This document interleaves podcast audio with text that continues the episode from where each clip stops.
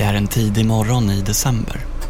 Solen har ännu inte gått upp när en vit Ford kör ut från garaget in till en gul tegelvilla i utkanten av Örebro. Det decimetertjocka snötäcket gnistrar i ljuset från bilens strålkastare när den svänger ut från villaområdet och kör längs med radhusen på Skördevägen. Hej. Vilket kort samtal. Ja, det var inget samtal. Var det fel eller? Ja, Ja, det, kom, det kom ringsignaler men det kanske var hos dig. nej. Men det här hörs ju mycket bättre, det är ju bra. Mm. Mm. Det är trebarnsmamman Lena Westström som ringer upp mannen i bilen. Hon har något viktigt att prata med honom om. Men mannen i bilen tycker inte som Lena och de hamnar i en diskussion.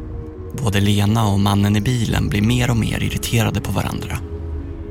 Ehm, om vi struntar i att dividera om vad som hade frågats och vad som hade svarats och allting. Fast jag tycker inte vi ska strunta i det som jag tycker är tråkigt. Du ställer samma fråga flera gånger, du lyssnar inte på svaret och när du får ett svar så ifrågasätter du och ställer om samma fråga några gånger till. Det är tråkigt och värdelöst bortkastad tid.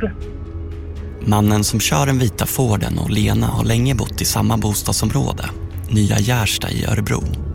Mannen har bott i den gula villan och Lena i ett av radhusen en bit därifrån.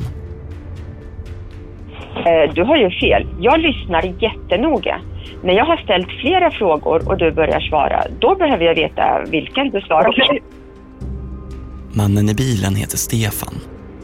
Han är omtyckt och ställer alltid upp när grannar och vänner behöver honom. En vardagshjälte.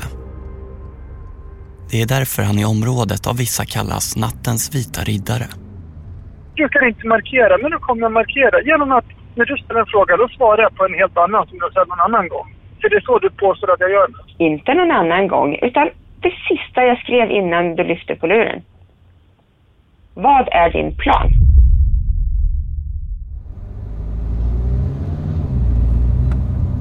Men det som grannarna inte vet är att deras vita riddare lever ett dubbelliv.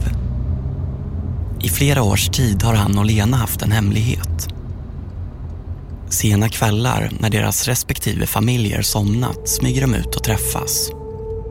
Ofta på motionsrundor, i bilen eller hemma i radhuset hos Lena. Jag tänker inte låta mig sopas undan som ingenting, som om inte tillfället fanns. Det var roligt och viktigt då. Och då ska det synas. För oss. Det måste inte synas för hela världen, men för oss. Men den hemliga relationen blir en påfrestning för de båda. För Stefan som måste dölja den för sin familj och för Lena som måste nöja sig med att vara en hemlighet. Om du försöker vifta bort mig i det, då viftar jag tillbaka.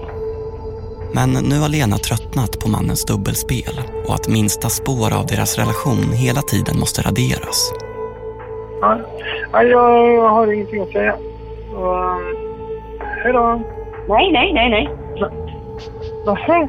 Utan då ställer jag om frågan lite tydligare. Hur är din plan nu då? När Lena nu ringer upp Stefan den här morgonen hotar Lena med att avslöja den hemliga relationen för hans fru om han inte respekterar hennes villkor. Eh, är det ett hot du uttrycker nu eller? Jag frågar, det är en fråga med ett frågetecken efter. Ja. Jag frågade om du tycker att det är bättre att jag säger så till henne imorgon när vi ses. Lena fortsätter att pressa Stefan på ett svar och han blir mer och mer irriterad. Eh, och det menar du är en eh, En fråga. seriös, det är en seriös fråga från din sida? Ja, det verkar så eftersom du inte samarbetar. Då får jag ställa frågan på att du svarar. Sam samarbete? Jag, vet, inte, jag svarar ju hela tiden. Jag fattar inte vad du pratar om och vad du är ute efter. Du vet svaret på alla frågor du ställer. Varenda fråga. Eh, men du försöker hitta någon idiotlösning. Eh, jag, jag vet inte vad du håller på med. Du, jag hatar dig, Lena Westin. Jag hatar dig. Hej då. Från Just Stories och Podme Det här är en mörk historia om mordet på Lena Westström. Lyssna nu exklusivt hos Podmi.